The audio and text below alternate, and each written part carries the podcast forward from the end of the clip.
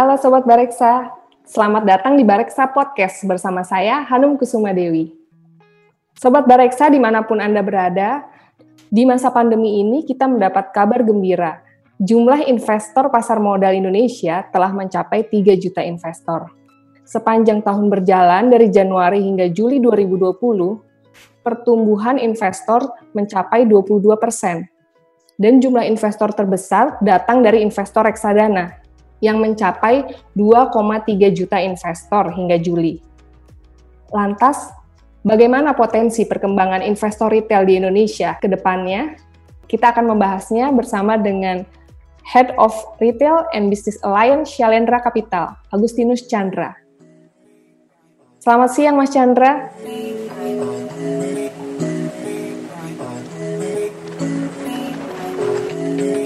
Hai, selamat siang uh, Sobat Bareksa. Selamat siang juga Mbak Anum.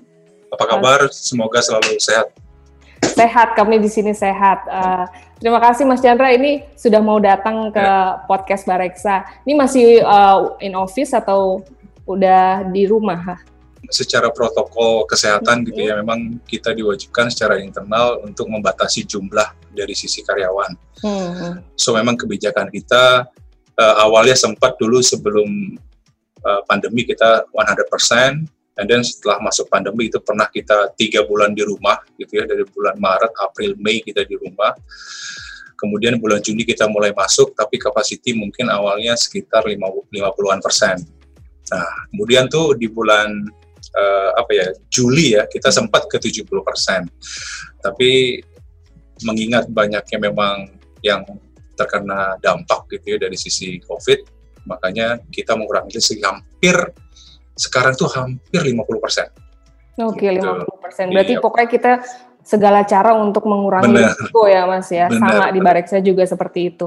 Oke, kita langsung bahas nih tentang Boleh. topik kita hari ini perkembangan ya. investor retail. Jadi kan selama masa pandemi ini hmm. nih uh, investor retail itu uh, pertumbuhannya sangat signifikan hmm, gitu. Benar uh, di pasar modal. Nah, menurut Mas Chandra apa saja sih faktor-faktor yang mendorongnya gitu? Ya, mungkin ini salah satu yang menarik sih ya, Mbak Anum ya. Kalau kita lihat memang data yang mungkin yang tadi Mbak Anum sebutkan, investor uh, reksadana udah mencapai 2,3 juta orang gitu ya. Cuman kalau kita compare dengan investor saham, mungkin per, pergerakan yang paling banyak itu ada di reksadana ya. So kalau kita melihat sih mungkin ada tiga faktor yang yang mungkin yang menjadi pemicu ya kenapa orang-orang sekarang udah mulai berinvestasi dengan baik gitu ya. Mungkin yang pertama mungkin kita lihat efek di bulan Maret uh, apa namanya udah di rumah gitu ya. Dan mungkin dan saya believe uh, yang invest itu sekarang yang pertama saya lihat kebijakan dari work from home jadi mungkin informasi yang yang dapat dia akses itu akan lebih banyak daripada dia full di kantor.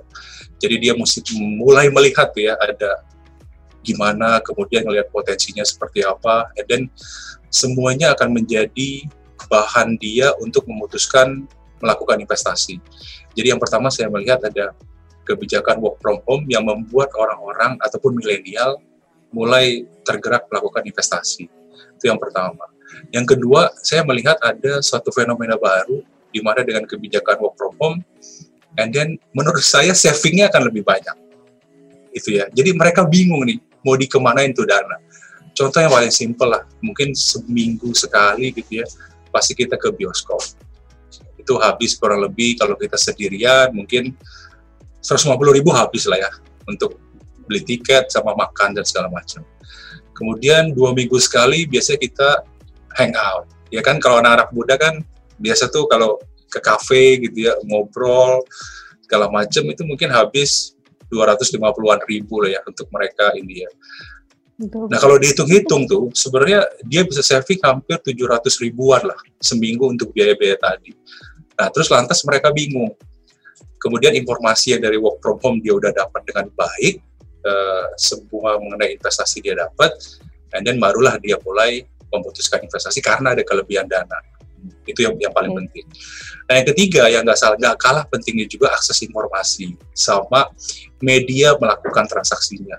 saya melihat dengan adanya fintech salah satunya adalah Bareksa, kemudian ada ada juga beberapa mungkin yang sudah menjadi nasabah bank gitu ya, dengan melihat potensi sekarang indeks sudah turun mungkin year to date hampir 15-an persen gitu ya. Hmm. Tapi kalau kita berkaca deepnya pernah ke hampir 40 persen di level 3.900. Nah ini mereka melihat ada opportunity, makanya dia mulai berani untuk melakukan investasi gitu. Nah, tapi kalau kita lihat antara saham sama reksadana, ternyata kenapa sih yang dipilih reksadana yang paling banyak? Oke. Okay. Ya kan? Yeah. Mungkin yang pertama uh, dia belum berani untuk invest ke saham. Hmm. So dia prefer untuk melakukan mitigasi resiko yang sangat baik untuk membeli yang namanya reksadana. Kenapa? Karena di dalamnya banyak dari kumpulan dari beberapa saham, which is hmm. mitigasi resikonya akan terjaga. Makanya kalau kita lihat perkembangannya harusnya akan menarik ke depannya. Oke, jadi itu kalau untuk reksadana karena memang risikonya lebih ini ya, iya. lebih terbagi gitu dibandingkan saham langsung. Betul. Kemudian tadi Mas Chandra juga sebutkan ada hmm. uh, jumlah dana yang diinvestasikan juga hmm. berpotensi hmm. Bertambah. Berarti itu kan AUM industri reksadana juga bisa uh, berpotensi naik juga nih Mas setelah ya. pandemi. Gitu. Mungkin kita ambil contoh ya di kita nggak akan uh, tahu, aku juga nggak berapa paham terkait dengan total semuanya ya. Tapi kalau di kita, kita berkaca di kita aja, IMF kita tumbuh cukup cukup lumayan gitu ya di, di, di masa pandemi. Apalagi orang-orang yang sekarang yang dulunya belum pernah invest, itu sekarang udah mulai invest. Nah, kalau kita lihat yang kita punya produk yang money market fund, itu juga tumbuh kurang lebih hampir 150 sampai 200 miliar dalam during that pandemi gitu ya. Nah, hmm. ini kita melihat bahwa animo masyarakat untuk melakukan investasi di pasar modal itu udah mulai kelihatan gitu loh. Malah kemarin saya baca beberapa hari yang lalu pertumbuhannya itu kalau di average itu kurang lebih sekitar 20 ribu investors.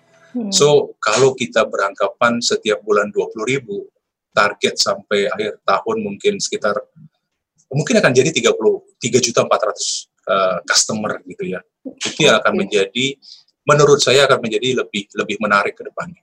Oke, jadi ini udah potensinya sampai akhir tahun bisa segitu ya, Mas? Eh, iya, benar.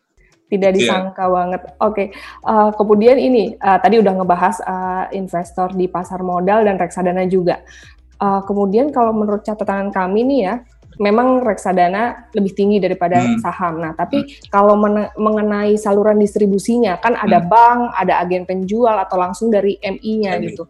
Nah, kalau menurut Mas Chandra yang mana yang paling luas atau yang paling efektif menjangkau investor reksadana hmm. di Indonesia ini? Mungkin yang sedikit cerita gitu ya. Hmm. Uh, waktu saya kerja di bank,